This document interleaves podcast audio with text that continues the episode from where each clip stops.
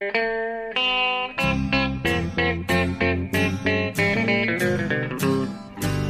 out there, we're on the air. It's hockey night tonight.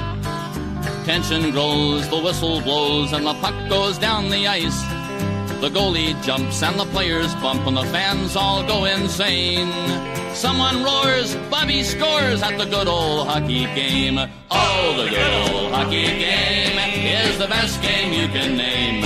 And the best game you can name is... Hallå, hallå, hallå, hallå, hallå, hallå, hallå där, hallå där, hallå där. Hallå, hallå, hallå, tjena, tjena, tjena. Välkommen till eh, NHL-podcasten med Hallåmannen ni hörde där, eh, Jonathan Mowgli Ekeliv Tjena, tjena. i Örby utanför Stockholm och mig Per Baloo Bjurman då i New York som vanligt. Ja, precis, i New York. Ja. Eh, inte i St. Louis. Nej, soligt kallt New York.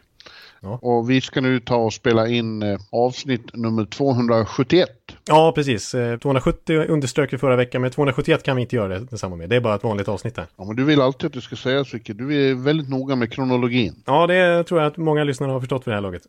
Ja, det är jag som får säga det, men det är du som har varje gång innan vi, när vi har ringt upp så säger jag ja, nu är det 271. Ja, precis. Så att du tvingar dig att säga det ungefär. Ja.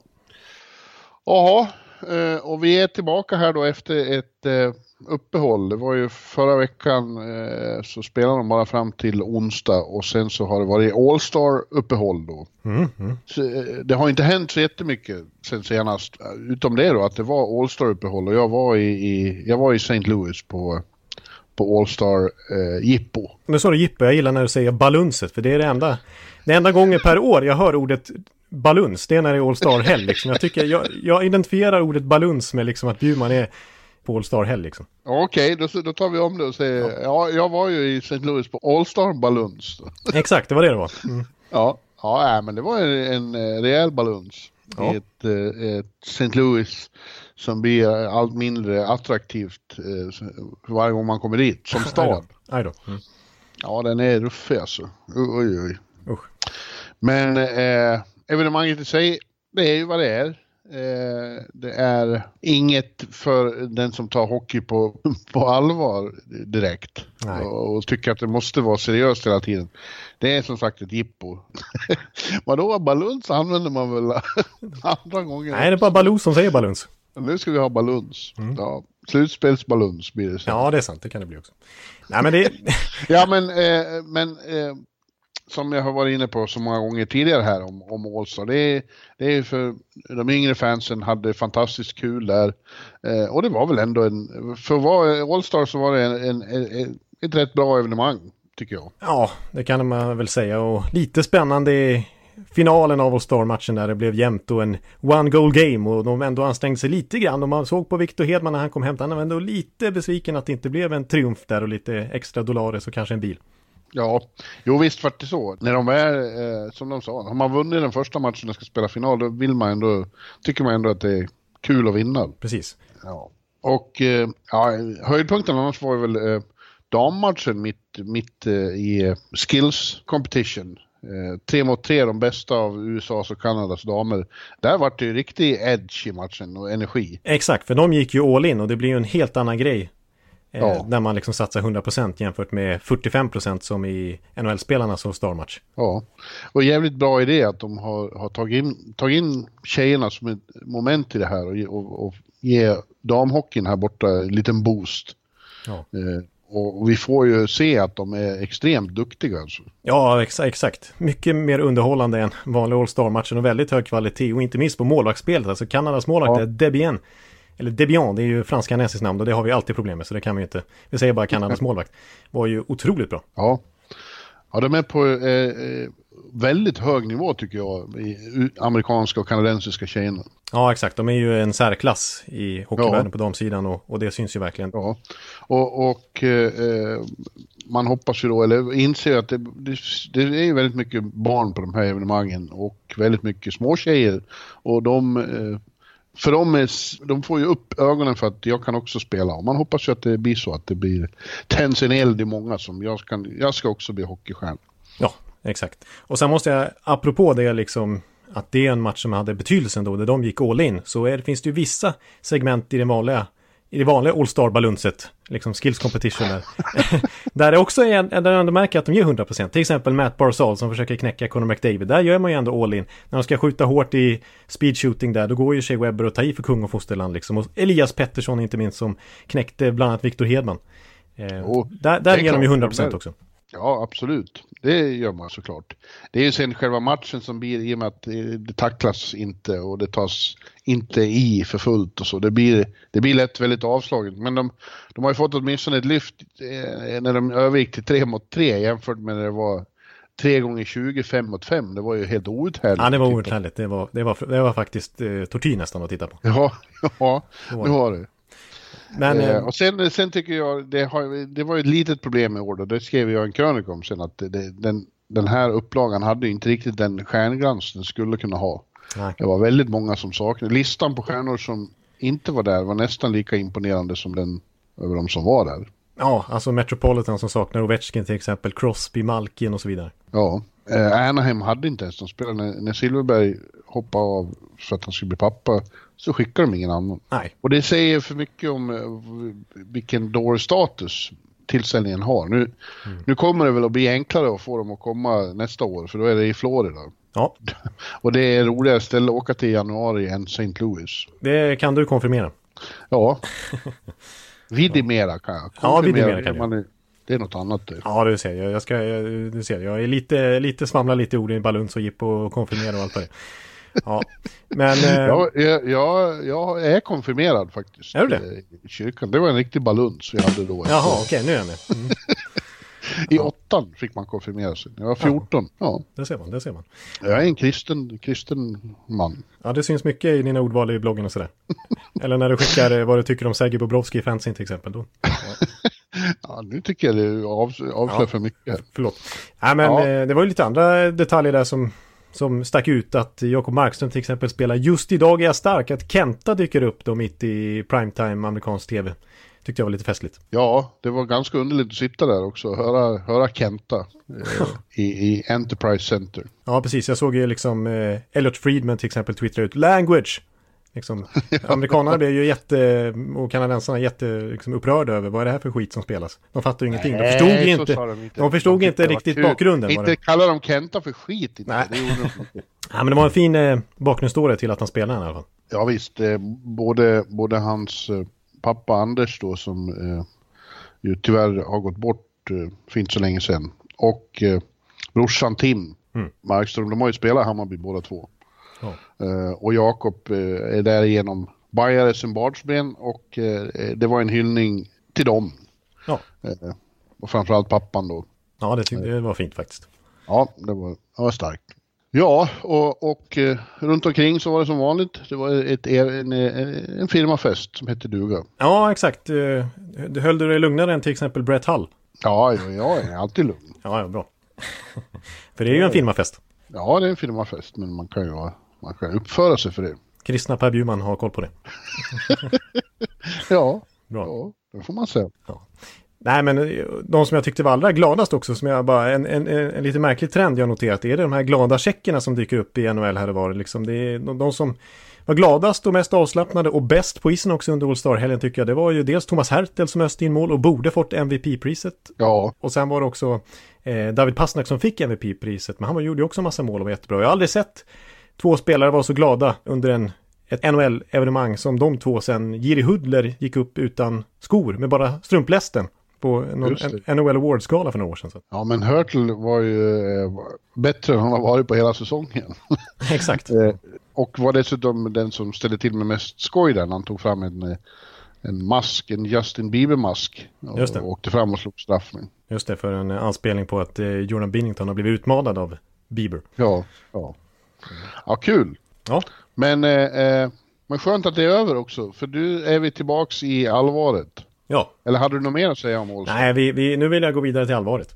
Ja. För som vi har sagt flera gånger, eh, när All-Star är över då, då, då, då glider grundserien ut på eh, upploppet. Det känns som när det är över, då, då, då höjs temperaturen. Ja, Eh, och sen kommer spurten då, efter, efter trading deadline också.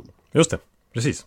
Och nu har vi inga fler uppehåll. Nu, nu, nu kör vi tills vi har en Stanley Cup-mästare i juni. Ja, underbart. Ja, Eh, och eh, ja, söndagen var ju spelfri då, men på måndagen eh, återupp, återupptogs grundserien. Eh, inte, full, inte full styrka, några har ju sin bye week nu även efter All-Star då, så alla lag har inte installerat sig för tjänstgöringen, men det är på gång.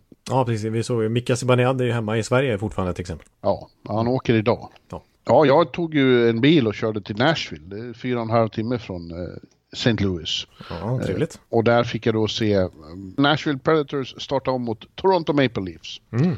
Och det är alltid en upplevelse att komma till Nashville.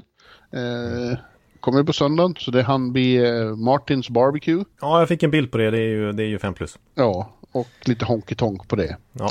Och sen match då mellan eh, de här två eh, lagen, båda jagande bakifrån i jakten på slutspelsplatser. Och det, där var ju bilden då att det känns som att eh, Toronto har betydligt större chans att, att nå det målet än vad Predators har tyvärr. Ja, det blev ju torsk igen för Nashville på hemmaplan. Eh, Ja, 5-2. ja och eh, det var s- somligt som var mycket bekymmersamt sett ur deras perspektiv tyckte jag. För det första så var det faktiskt så att jag aldrig har eh, upplevt Bridgestone Arena så avslagen. Ja, Okej, för det har jag läst på flera håll nu på sista tiden och du hade samma upplevelse alltså? Ja, ja tyvärr. Det, det har ju varit allt, en folkfest där nu i, i 6-7 år varenda match. Ja. Nu var, nu var det tyst alltså och eh, allmänt besviken stämning. Eh, och det är inte så konstigt, alltså Nashville har blivit en hockeystad nu. De har vant sig vid framgång och blivit, eh, ställer krav. Ja. Och, och när laget nu inte lever upp till dem så blir det, det blir lite däven stämning. Alltså. Ja, för det är, det är verkligen så alltså. De har ju varit otroligt bra på hemmaplan. Det har verkligen varit deras borg som motståndarna har verkligen fått kämpa för att inta. Eh, jag menar att de senaste fem åren tror jag, så har det, det är bara tre lag som har fler hemmasegrar än Nashville under de åren. Den här säsongen så är det mängder av lag som har fler hemmasegrar. De är ju verkligen i botten av den statistiken. Ottawa har fler hemmasegrar än vad Nashville har. Ja, ja det är ju det är jävligt egendomligt. Men det var också bekymmersamt att se dem spela. Så länge det var jämnt i början så var de med bra eh, och spelade aggressivt och, och anföll som man känner igen dem sen förut. Men det var som att så fort de fick motgång och eh, Leafs gick upp i 3-1 ledning Mm. då hade de ingenting, då föll de ihop. Liksom. Det var ingen pushback. Utan de, eh, de blev små och, och ängsliga och uppgivna. Och det känner man ju inte igen och det är väldigt konstigt med tanke på att det är ett sånt rutinerat lag med så mycket ledarskap i. Det samma, I mångt och mycket samma killar som var i final för bara några år sedan. Exakt, det är det man tycker och man tycker snarare att de borde vara bättre vid det här stadiet i deras karriär. För som har upprepats många gånger under säsongen, det här är ju ett prime-lag som ska vara som bäst just Ja. nu. Ja. Ja, något, något har ju gått helt snett här och, och det går inte att se det som att John Hines har varit något jättelyft inte. Nej, han har inte lyckats pumpa nytt liv i det automatiskt som en tränarbyte brukar kunna innebära. Men nej, jag såg någon beat reporter som kallar det att de är adversity allergic. Ja. Så pass. Ja, precis. Så fort det blir eh, jobbigt så då viker de ner sig. Ja. Och i andra perioden och tredje perioden, alltså det var ju inte alls så bra. Nej. En, en som har det extra jobbigt, det är ju många spelare som underpresterar här nu. Vi kan nämna till exempel Viktor Arvidsson har sitt sämsta poängsnitt i karriären. Mikael Granlund har ju det. Kyle Turris som är oönskad har ju det. Ryan Johansson framförallt är väl den som är under lupp just nu. Bara 27 poäng den här säsongen faktiskt. Och den eh, Toronto-matchen som du var och såg, han spelar bara 10 minuter. Mm. Eh, och John Hines sa efteråt att eh, liksom, varför fick han så lite speltid? Ja, de bästa spelarna får ju mest speltid, så är det bara. Och kolla på Ryan Johansson, han är ju inte så speciellt bra just nu. Han måste lyfta sig. Ja. Det är konstigt, de här... Ja, och de Prime. kunde inte heller skylla, det har ju varit mycket prat om att målvakterna inte har varit bra, men i den matchen kunde de verkligen inte skylla på Pekarinne, för han var, han var bra och gjorde ett par riktigt avancerade räddningar. Ja, precis. Nej, det handlar... Det är många lagdelar som behöver lyfta sig där och i det här fallet var det inte målvaktssidan. Eh, sen är det klart, sådana här tillfällen när det är liksom man är adversity allergic, då brukar man ju peka på lagkaptenen liksom. Eh, Roman Josi, vad, vad gör du med laget? Men, han kan man ju inte skylla på direkt. Alltså, han går ju verkligen i bräschen. Han har ju 15 poäng fler än någon annan i laget. Han är point per game som back, 48 matcher in i säsongen. Han Ja. gör vad han kan i alla fall, men där bakom så är det, är det lite kris. Hoppas det löser sig för att det, man vill ju att det, framförallt vill man att det ska vara riktig baluns när man kommer dit. Ja. Och, och gå på match där, sina lördagskvällar och så. Precis, det är, ju så det ska vara och det är så det har varit. Så man är ju liksom chockad att det ser ut som det gör just nu. Ja. Jag tror de har 14 eller 15 förluster på hemmaplan och bara 11 vinster. Det är ju liksom... totalt annorlunda mot hur det har sett ut. Det är alltså, det behövs ju framgång för att de ska få tillbaka självförtroende. Det är självförtroende de inte har. Nej. Kollektivt självförtroende. De är, är, är bräckliga just nu. Mm. Det, det, det, är vad det handlar om när man faller ihop så i motgång. Mm. Då tror man inte på sig själv. De måste få tillbaka det. Han får hoppas för det skull också. Det, det borde inte vara så beroende av honom än alltså att Ryan Ellis kommer tillbaka. Ja, precis. Det är ju ett tungt tapp. Ja, verkligen. Desto, desto mer eh, inspirerande var det ju då faktiskt att se Toronto som hade problem eh, innan uppehållet. Eh, gjorde en riktigt bra match där. Mm. Och särskilt kul var det ju ur svenskt perspektiv då för att eh, mm. William Nylander till att börja med kom tillbaks eh, och har inte rostat ihop medan han har gått och svingat golfbollar på Augusta. Nej. han var, jag, jag tycker att han var bäst på isen. Ja. Eh, och det, det är ju och gjorde ju sitt 23 mål och, och därmed har han redan eh, personbästa i mål. Ja, det är inte dåligt, det är inte dåligt. Och nu under den här All Star-helgen så utsågs ju Mid-Season Awards av er journalister. Du är ju en av de som får rösta i det där. Och, och då fick ju han specialpriset Comeback Player of the Year. Alltså den som har studsat tillbaka på ett allra mest imponerande vis den här säsongen. Ja, ja det förtjänade han ju verkligen. Mm. Han sa efteråt också, påpekade att eh, nu är det bara tre mål kvar till eh, pappa Mikaels bästa notering. Oj, ja det har jag inte tänkt på. Oj då. Mm. Ja, det hade inte han heller. Åh, nu måste jag bara gasa. ja, nej, det, det, det är häftigt och, och eh, Ja, jag vet att vi ska komma in på lite anonyma svenskar i det här avsnittet och en som jag vill lyfta fram i Toronto som vi redan har pratat om lite grann tidigare här i januari. Mm. Det, det, är ju Pierre Engvall.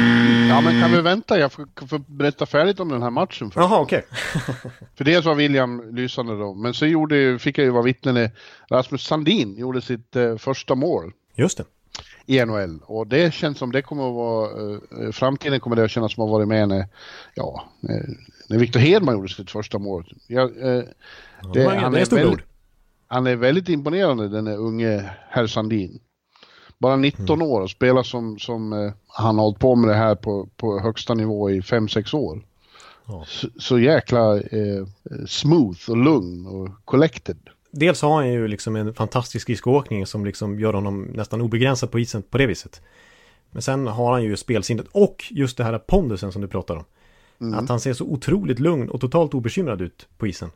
Och ja. helt aware av vad som händer. Så att, ja, det är ju, det är ju ett, en storback, en framtida storback det där. Redan nu så, så ser det bra ut, men man kan bara tänka sig på två, tre års sikt vad han kan vara i karriären då.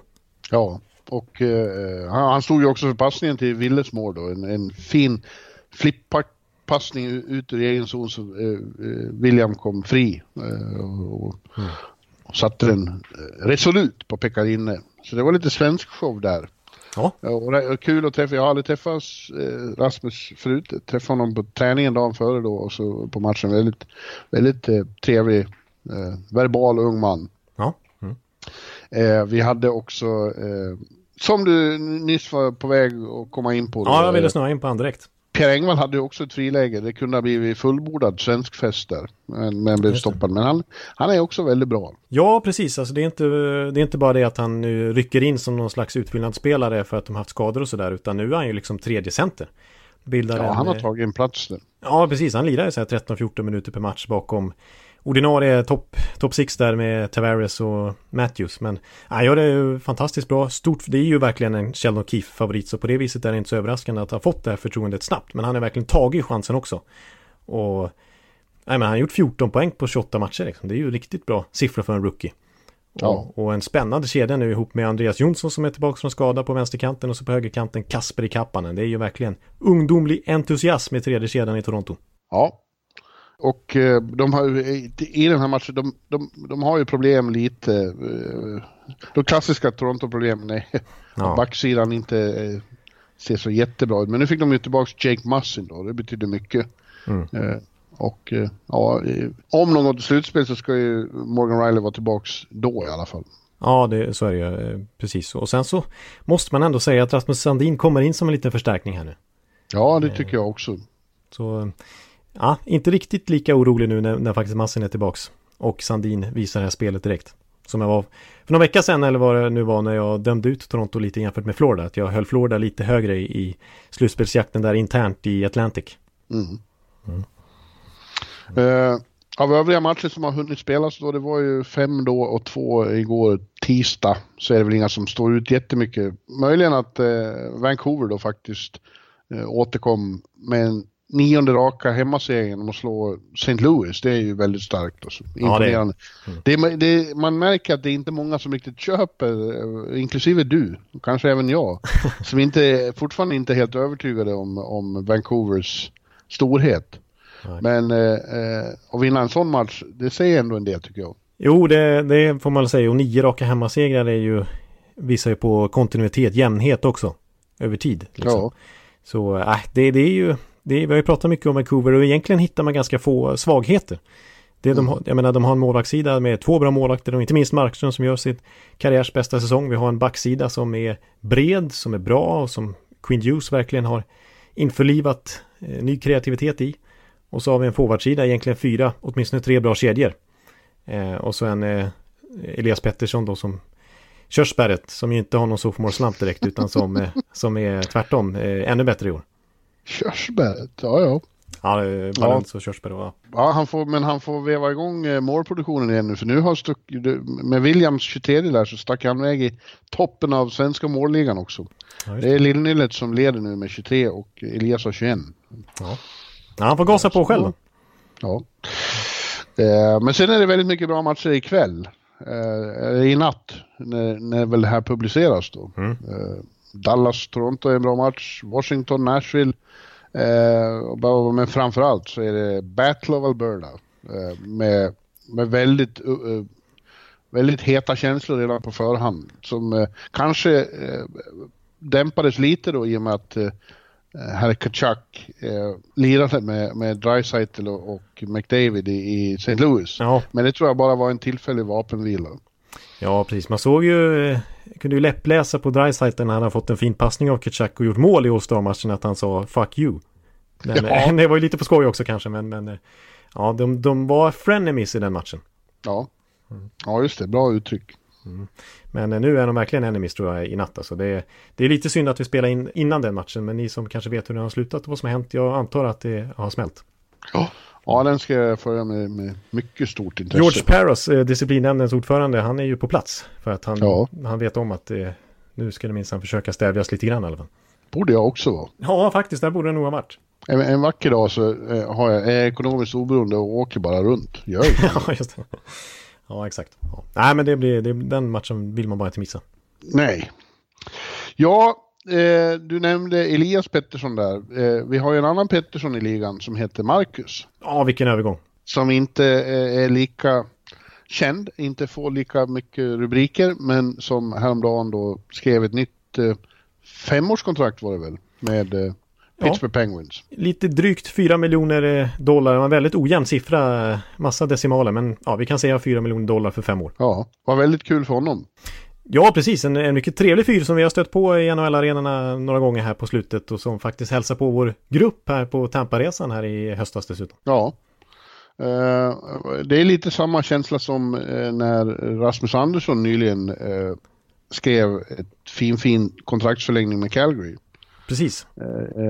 och man har känslan av att ja, de mer hängivna hockeyfansen har ju koll på vilka det här är. Mm. Men, men jag föreställer mig att båda de här gångerna så är det många i den bredare publiken som har tänkt, ja, va, vem då? ja, exakt. Och liksom femårskontrakt för 4 miljoner. Mm. Ja. I Rasmus Anderssons fall, sex år, 4,55 miljoner. Ja. Men eh, det här är ju, ja, de är väl lite doldisar. Eh, mm. Sett i, i, ett stort perspektiv. Men, men eh, de har gjort det väldigt bra. Eh, som skaffar sig bra roller i de här lagen och blivit väldigt på pjäser som, som, som coacherna och klubben litar väldigt mycket på. Ja, om man börjar med Marcus Pettersson här så vi nämnde ju honom lite grann tidigare under säsongen när vi pratade. Jag hade ju ett specialavsnitt där jag pratade lite extra om Pittsburgh. Och du pratade mm. lite extra om Columbus och då pratade jag i och för sig visserligen mest om Petterssons backkollega John Marino, rucken i år. Och hur han kom ut ur mammas mage till och med och tvillingbrodern ja. var julbent och så vidare och bla bla bla. Men eh, man kan ju verkligen fokusera på Pettersson också som har varit otroligt stabil ihop med Marino där och de är extremt populära och uppskattade i Pittsburgh nu i lokalmedia där och bland fans hur solitt andra par de har format. Eh, och jag menar, när vi pratar om Mid-Season Award så fick ju Mike Sullivan faktiskt pris som Jack Adams vinnare som bästa coach. Så hur han har förändrat spelet där, försvarsspelet, strukturen där. Och där har ju Marcus Pettersson och John Marina varit högst bidragande för att de har varit otroligt stabila bakåt framförallt och kollar man på bara liksom siffror i Pittsburgh överlag så förra året var de det lag som eh, släppte till flest kontringar i hela ligan. Eh, vi såg ju ja. hur, Islanders till exempel i slutspelet bara kontrade sönder dem. Eh, den här säsongen är de det lag som har släppt till minst antal kontringar faktiskt. Och kollar man på zone entries, alltså motståndarlagens försök att ta sig in i Pittsburgh zon, så är det bara ett lag i ligan som är över 50% när det kommer till att stoppa motståndarnas försök att ta sig in i offensiv zon. Och det är Pittsburgh. Det är fantastiskt starka siffror för Marcus Pettersson och John Marino framförallt där. Så att ja. eh, väldigt bra tvåvägsbackar och framförallt då i egen zon. De, de, eh, det blev lärdomen för dem eh, av det här fiaskot mot Islanders i slutspelet att, att de behövde, hur ska man, vad ska man använda för ord? och, och, ja men de, ja, de behövde stärka sitt försvar. De behövde, behövde ett annat slags försvarsspel. Mm. Mycket tätare och bli svårare att spela mot och där har han varit en väldigt viktig komponent ja. i, i den processen. Ja. Han, är också, han är också en av de mest fysiska spelarna i Pittsburgh. I, i ett Pittsburgh där det inte finns så jättemycket av den varan. Nej. Han är viktig på den punkten också. Ja, precis. Han är inte den som är rädd för att kasta vantarna till exempel och stångas framför mål med motståndarnas tuffaste spelare liksom. Nej, precis. Så, och få se till att, att det blir lite baluns där. Ja, precis. Det är det. Det skapar ju skapar engagemang inne i PPG Paints. Ja. Så han är lite publikfavorit på det viset också. Eh, nej, det är imponerande utveckling. Jag menar, så sent som i september skrev han sin senaste kontraktsförlängning. Ett år på 870 000 dollar. Nu är knappt, knappt fem månader senare här så, så kritar han på ett femårskontrakt för drygt 4 miljoner dollar. Så att bra värdeökning på några månader här. Eh, sen ska det ja. sägas då också att, att eh, Rutherford lovade honom ett större avtal nästa gång då. Att det bara blev ett ettårskontrakt nu med ganska låg cap hit för att han skulle få plats under lönetaket. Men det är ju en, det är verkligen eh, ett stort kvitto på hans fina säsong när Rutherford bara några månader senare ger honom det här avtalet. Ja. Så att enormt förtroende har de för honom. Och det har de i Calgary för Rasmus också då. Och, och den här unge skåning, en riktig Malmöpåg. Ja, just det. Där är han jag brukar imitera och sådär. Ja, kan få höra lite av din skånska nu. Ja, men han är ju en fantastisk back. Va? Han är ju, han är ju precis som Pettersson, han är född 96. 23 år, eh, väldigt stabil topp 4-back som är bra både offensivt och defensivt. I Calgary? Calgary. Flames? Ja. Flames, ja. Ja, ja. Ja, men, men han eh, har ju eh, tidvis, till och från är han ju till och med i första backpar med Mark Giordano. Mm. Eh, och eh, det, det, de yttrade, hade väldigt fina yttranden om Rasmus eh, när han skrev på det här kontraktet. De såg det som att han hade oändlig potential.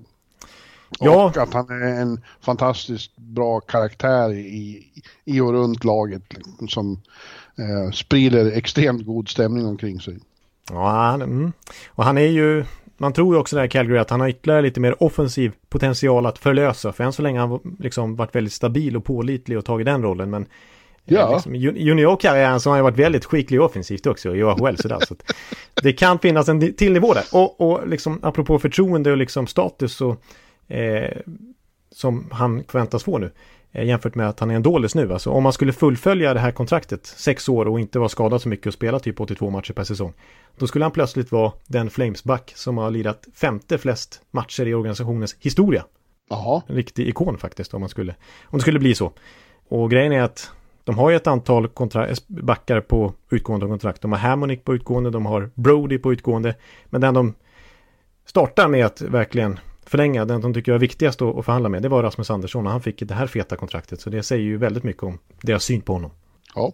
Mm. Ja men kul, jag, jag, har, jag har funderat mycket på svenska doldisar inom citationstecken då. Vi, vi har några som gör det riktigt fint tycker jag.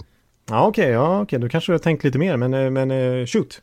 Nej, nej, jag återkommer med, eh, om en artikel i tidningen. Jaha, okej, okay. där ser man. Det blir spännande. Ja, en cliffhanger. Ja. Absolut. Absolut, ja. Ja. du vet att Rasmus och uh, Andrei Burakovsky är bästa kompisar? Ja, jo, men det vet jag ju. Jag julrimmar ju till och med om dem. Ja, det gjorde du ja. Ja, just ja. det. Jajamän. Riktiga Malmöpågar då. Ja, verkligen. Och när de två pratar tillsammans då, då förstår man inte mycket. Då blir det riktigt grovt. Ja, exakt. Då är det mycket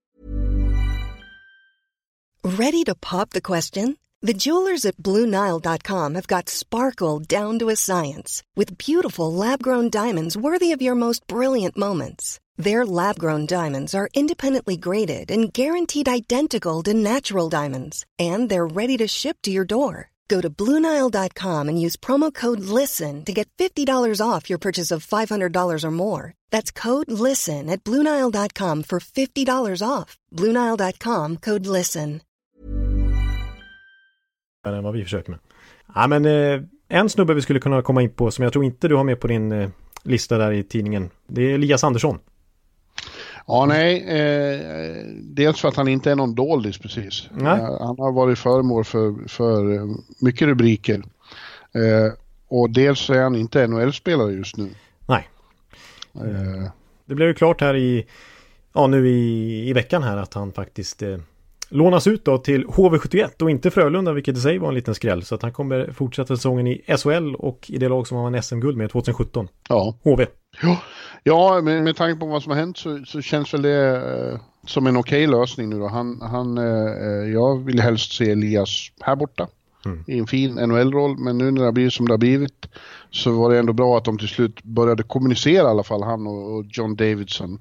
Mm. Mm. Eh, och och eh, ja, tills vidare så, så viktigast av allt då såklart att Elias mår bra. Mm. Eh, och nu får vara där hemma och, och spela hockey. Eh, Ja. Inte gå och, och bara vara i- i ovisshet. Nej, precis. Utan att det är en lösning som ändå kom relativt snabbt. Och nu får han ju, nu blir det ju en säsong för honom liksom. Ja, Eh, och eh, ja, lite oväntat som sagt med HV istället för Frölunda. Men där har ju Frölunda förklarat att de var inte beredda att garantera honom en liksom första centerroll. Eh, peta Joel Lundqvist och Johan Sundström och Laso och gänget där. Eh, utan eh, HV var, hade möjlighet att ge honom större utrymme från start. Så att eh, han ska ju visa upp sig nu. Det är ju liksom hans karriär som kanske inte står på spel. Men det är otroligt viktigt här nu att han kommer in i det igen och visar upp sig och så att han höjer sitt marknadsvärde igen. Om han ska få till den här NHL-karriären som vi förväntat oss att han ska få. ja. Ja, jag, jag hoppas att det blir liksom en, en omstart på alltihopa. Det skulle vara, det skulle vara bra. Ja, precis. Och det kanske är just det här som behövdes då. Ja. Mm. Ja, du eh, Ekeliv. Eh, nu som sagt är All-Star breaket över. Nästa hållpunkt utan att det blir ett uppehåll då, det är ju förstås eh, trade deadline i, i slutet av februari. Det är Ja. mindre än en månad kvar. Exakt, 24 februari. Ja, en måndag som alltid. Som alltid, ja precis. Så jag kan ju redan nu säga att det kommer bli eh, sändning på Sportbladet. Ett par timmar. Där vi sitter och gaggar och snackar och, och, och trycker i blåa lampan där om det är en trade på gång. Ja. Eh, det blir spännande. Eh, men det, på, på, på förhand eh, så känns det väl inte som att det, det är inga jättestora supernamn som man förväntar sig kommer att få flytta på sig. Det, eh, när- Taylor Hall redan har rört på sig. Ja, han var ju det stora namnet. Ja, Körsbäret ja. men det, det blir ändå intressant för att än så länge så är det så otroligt svårt att, att bedöma vilka som kommer att se sig som eh, köpare eller säljare. De har, det är så jämnt så många har inte, eh, kan ju inte avgöra det själva än. Nej, precis. Utan det, det har ju Pierre LeBrun på The Athletic varit inne på. Att eh, det lär utkristallisera sig först framåt trade deadline-veckan där. Ja. Vilka lag som faktiskt ser sig som buyers och sellers. Så att det kan vara ganska mycket inaktivitet innan dess. Och att det på det viset kan hända lite grann på trade deadline-kvällen i alla fall. Ja, nej, Pierre gick igenom, han gick igenom lag för lag, alla 31 stycken. Eh, och eh, det framgick ju tydligt att eh, det är svårt att bedöma. Mm. Men eh, man vet ju vilka som tämligen definitivt kommer gå till slutspel och vad de har för behov, om de nu har några överhuvudtaget.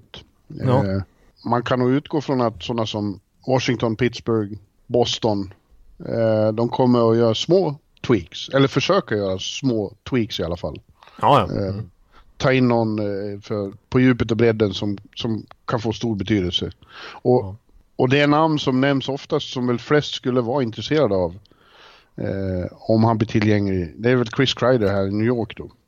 Jo, precis. Efter Taylor Hall där så seglade han upp som den stora liksom ja, det största namnet. Och visst, det är ju inte på den allra högsta nivån, men visst, det är ju en, det är en bra spelare och det känns som en slutspelsspelare också. En modern liksom power forward. Förut tog man ju ofta in någon brunkare här och där för att liksom fylla på. Mm. Men, men, Chris Kreider är ju en hockeyspelare också.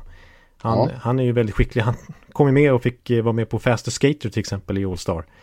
Ehm, det är ju en bra spelare och, och, definitivt någon som Rangers, om de nu ser sig som säljare, vilket jag tror faktiskt de kommer göra i slutändan, eh, kan få ett första val för och kanske mer än så. Ja, Larry Brooks skrev en krönika för bara några dagar sedan här om att eh, Rangers handlande under innan trade deadline kommer att vara oberoende av var de befinner sig i tabellen. De, de ser på sikt. Eh, mm. För klubbledningen är inte slutspel i år någon avgörande fråga. Eh, och eh, Kreider, med honom är det så han har varit riktigt, riktigt bra. Han varit en av lagets två, två tre bästa spelare här sista månaderna. Mm. Sista månaden. Mm. Uh, uh, och det skulle kännas, det skulle ju vara ett, ett hårt slag för de övriga om han trailas. Då blir det tredje året i rad de trailar bort bra spelare. Ja. Och, och, och, matcherna i mars förlorar betydelse. Mm. Uh, men, men de ser det på sikt. Och han är ju den typen av, han vill väl ha fem sex år till. Ja, precis. Och det, det har ju inte varit så lyckat de senaste åren med den typen av power forwards.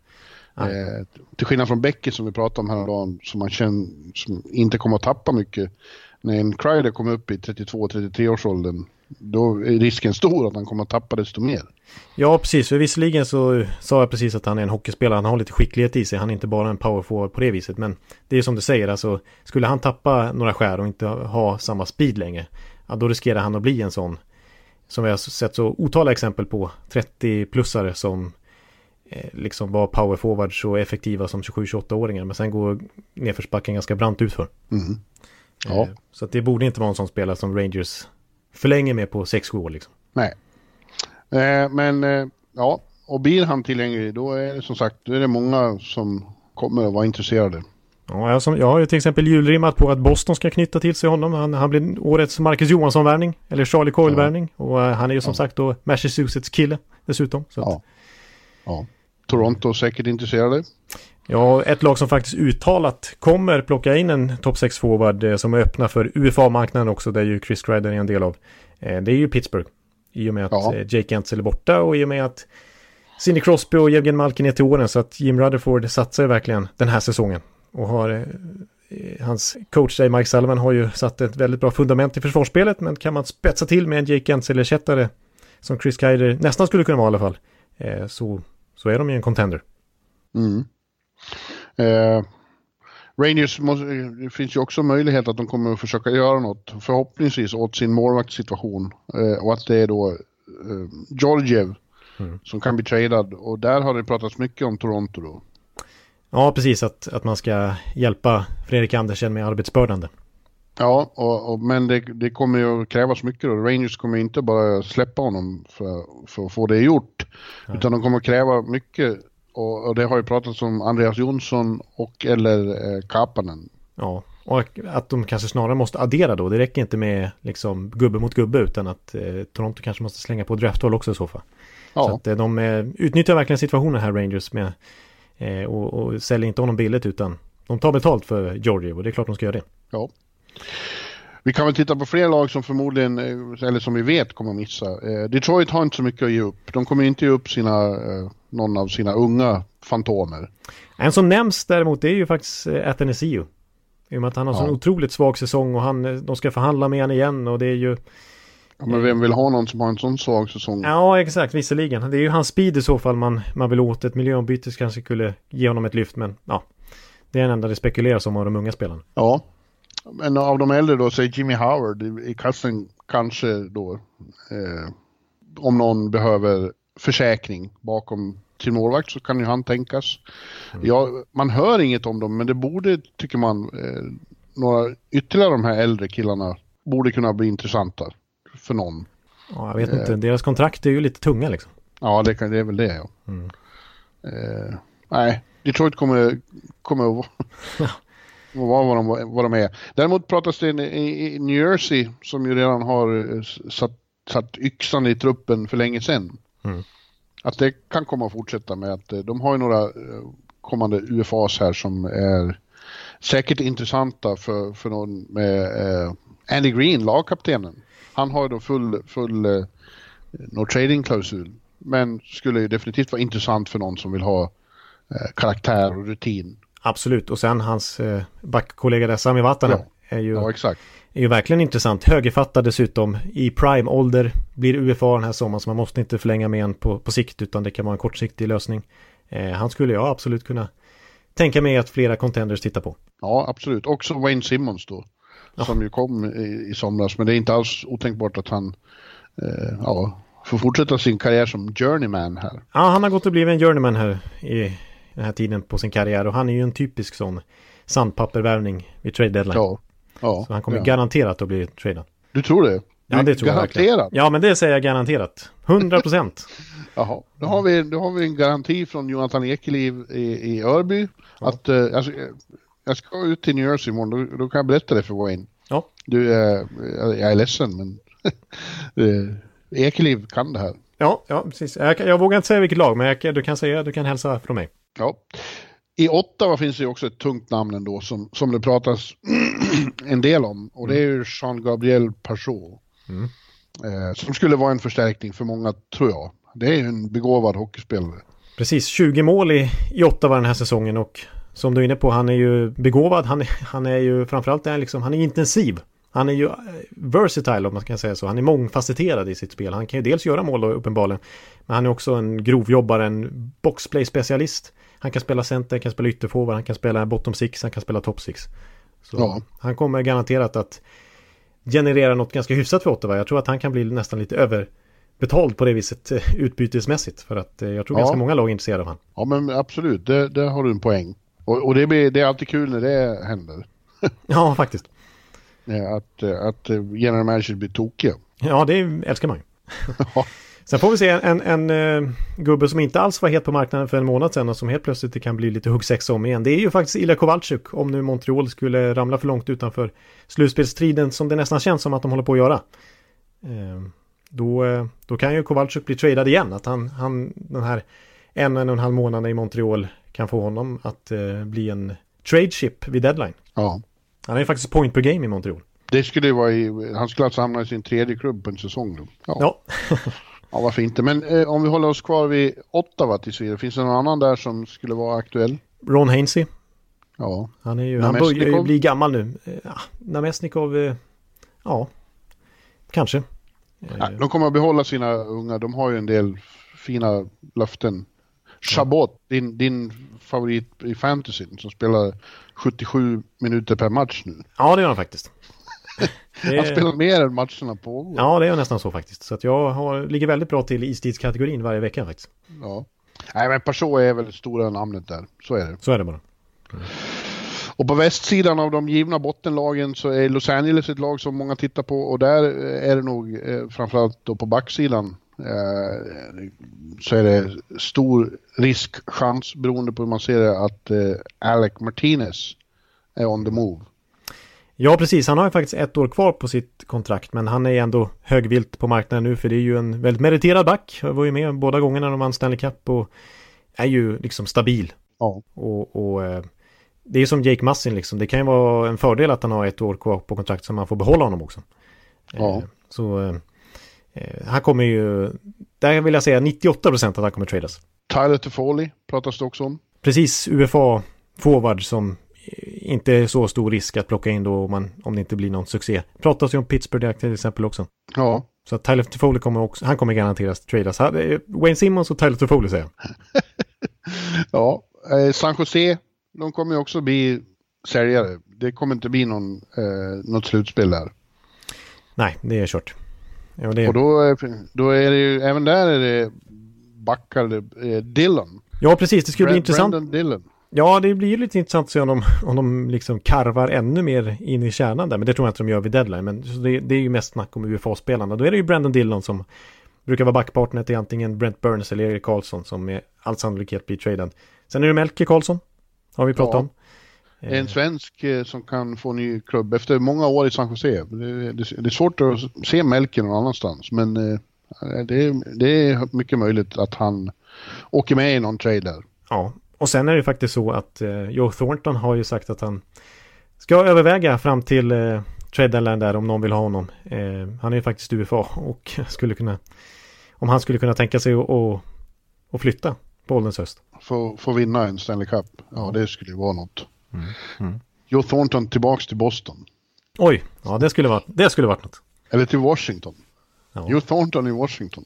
Vilken ja. grej! Ja, alltså det, det, är ju det är nästan körsbäret i så fall skulle jag säga på hela den här månaden. Alltså om Joe Thornton, om han skulle då bestämma sig för att eh, häva sin no trade-klausul.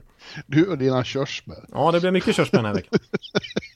ja, men om, lite mer svenskar så kan man ju nämna då, alltså jag tycker vi inte har nämnt, tror jag, hittills i, i podden den här säsongen att Erik Gustafsson är UFA och har haft en ganska tung säsong. Jag menar, fjol, han gjorde 60 poäng i fjol. Eh, och kändes otroligt het. Och den här säsongen har inte alls stämt lika bra offensivt. Nu är han ju faktiskt petad av framtidsmannen, en annan svensk, Adam Bokvist i första PP. Eh, mm. Får inte alls lika mycket speltid och förtroende som i fjol och det känns, han har liksom fått frågor själv om, om framtiden och han är medveten om att han mycket väl kan bli tradad och eh, då skulle han ändå vara ett intressant alternativ för, för många lag tror jag, med tanke på att han så sent som fjol alltså var en 60-poängsman. Ja. Anaheim, de är ju också körda, men där hör man inte så mycket om att det skulle vara så mycket trader på gång. De har så mycket unga spelare som de vill behålla. Ja, precis. De har nog inte så mycket liksom veteraner och som ja, är av intresse. Nej, för, fram tills i fjol så pratas det nästan varje år om Jakob Silverberg då, men honom har de ju committat till nu. Ja. Eh, så vill, vill näppeligen eh, förlora honom. Nej, han blir kvar. Ja, men eh, grejen är att det, det, är lite svårt att diskutera det här just för att det är så jämnt och för att eh, vilka av lagen som kommer att köpa och vad de kommer, vilka det är som kommer att gå efter de här killarna vi har pratat om nu. Nej, precis. Det, det återstår. Det kommer, det kommer liksom, vi, vi får vänta några veckor till kanske. Ja, om man, om man ser i öst, Toronto, Philadelphia, Carolina, Columbus, Florida, de måste ju liksom bli mer säkra på att, eh, ja, lika med, med Tampa och Islanders i princip. Ja, det blir, det, det, usch, det, det, blir väldigt intressant att se. Men jag tror ändå vi kommer att få se aktivitet på den. Jag hoppas det, det är ju kul. Ja, Men, eh, tror du att ditt Tampa kommer att försöka förstärka på något vis? Ja, jag kan ju nämna då faktiskt eh, att eh, Tampa och Carolina, två lag på övre halvan som ju ändå går för, går för det, innehar varsitt extra första runda val. Jag menar, Tampa har ju ett från Vancouver, de har, har ju Vancouver i och med JT Miller-traden. Och Carolina har ju Torontos i och med Patrick Marleau lösningen som blev där i somras. Eh, så att de har ju faktiskt liksom ett extra första val att bolla med. Eh, mm. Så att Pierre LeBrun var inne på där att det, hans känsla är att många sellers har hört av sig till både Tampa och Carolina redan nu för att försöka snå åt sig ett extra första val. Eh, ja. De skulle kunna vara villiga att offra ett. Så att det, det blir spännande att följa. Och inte minst för mig som Tampa-supporter. Precis. Till exempel att Tampa skulle vilja ha en högerfattad back som Sami Vatanen från New Jersey. Ja, mm. spännande. Mm. Har du något mer att säga om det här? Eh, man kan ju spekulera hej vilt men eh, det är som säger, det är svårt att säga. Ja. Eh. Som Becker skulle ha sagt, absolut.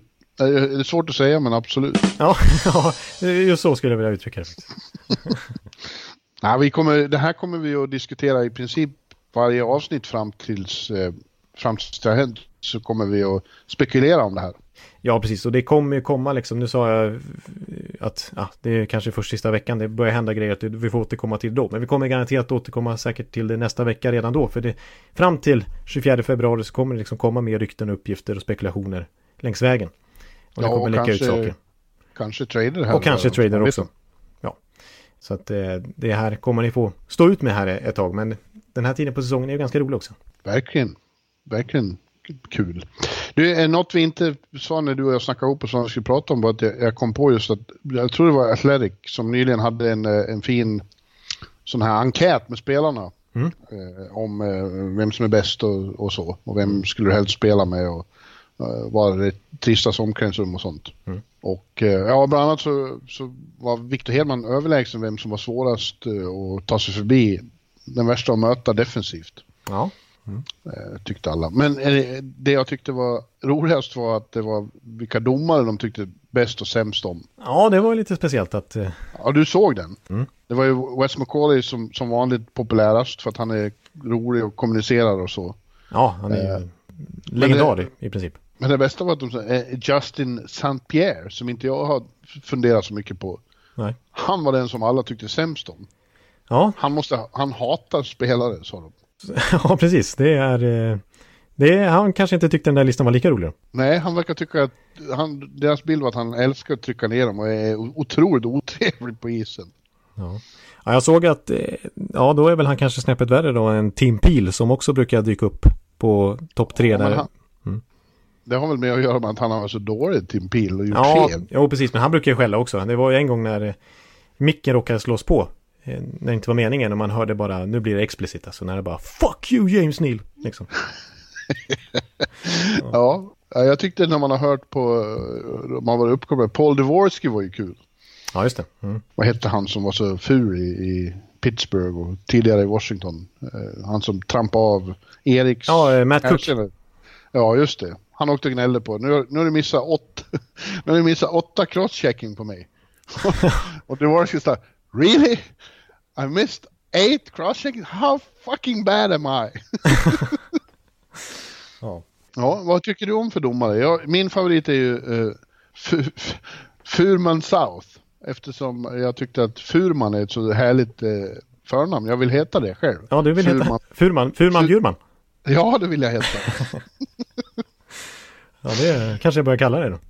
Han, han, eh, ja det gör de i bloggen. Ja, Eh, ja. Kung, Kung Kenta kallar mig för Furman. Ja, ja just Eh, för att eh, ja, han, är, han är precis på väg att etablera sig. Han är i, i första hand i AHL, men får spela då och då. Eller får göra matcher då och då. Då blir jag alltid glad.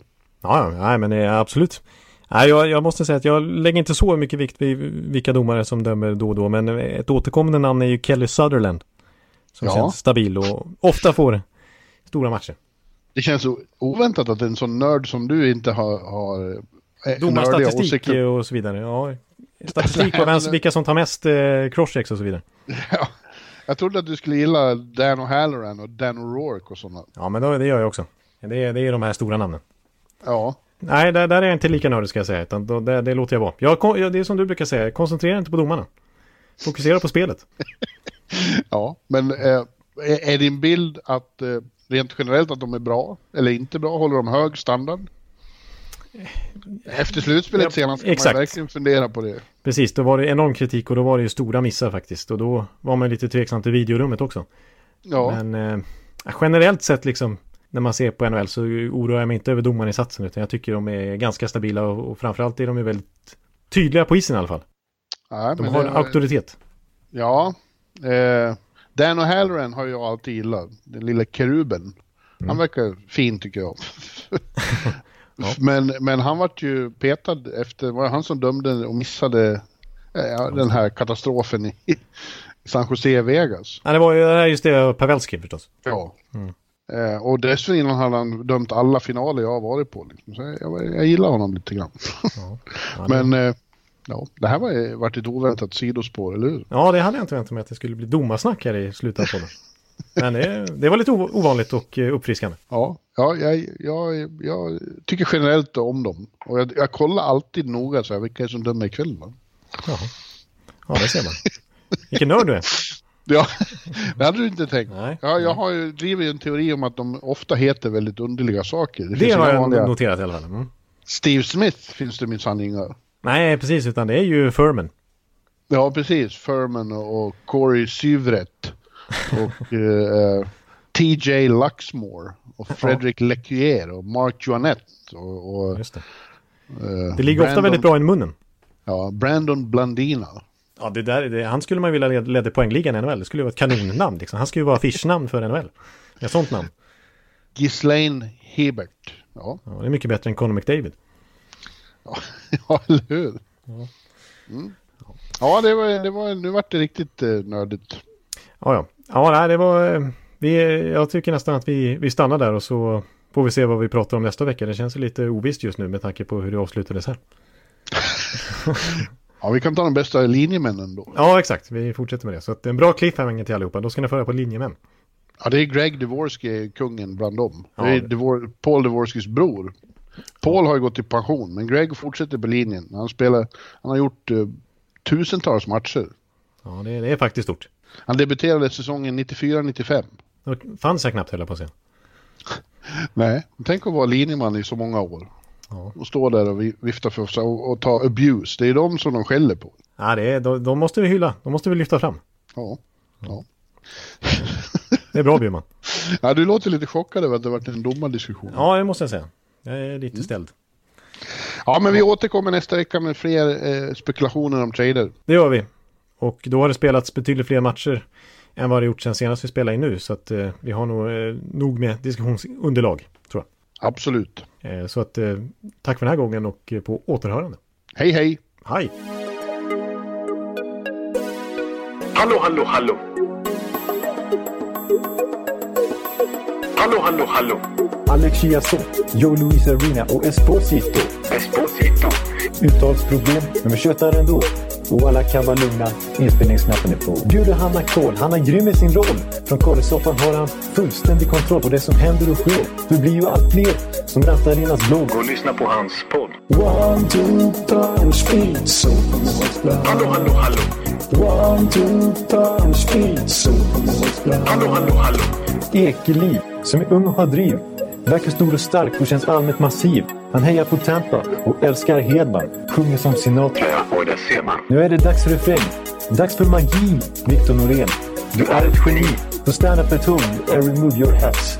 Höj volym, för nu är det plats. One, two, punch, speed, so Hallå, hallå, hallå. One, two, punch, speed, so Hallå, hallå, hallå. One, two, punch, speed, so Hallå, hallå, hallå. One, two, punch, speed, so Hallå, hallå, hallå. Det är otroligt länge sedan båda samtidigt var så här bra. Hallå, hallå, hallå. Det är otroligt länge sedan båda samtidigt var så här bra.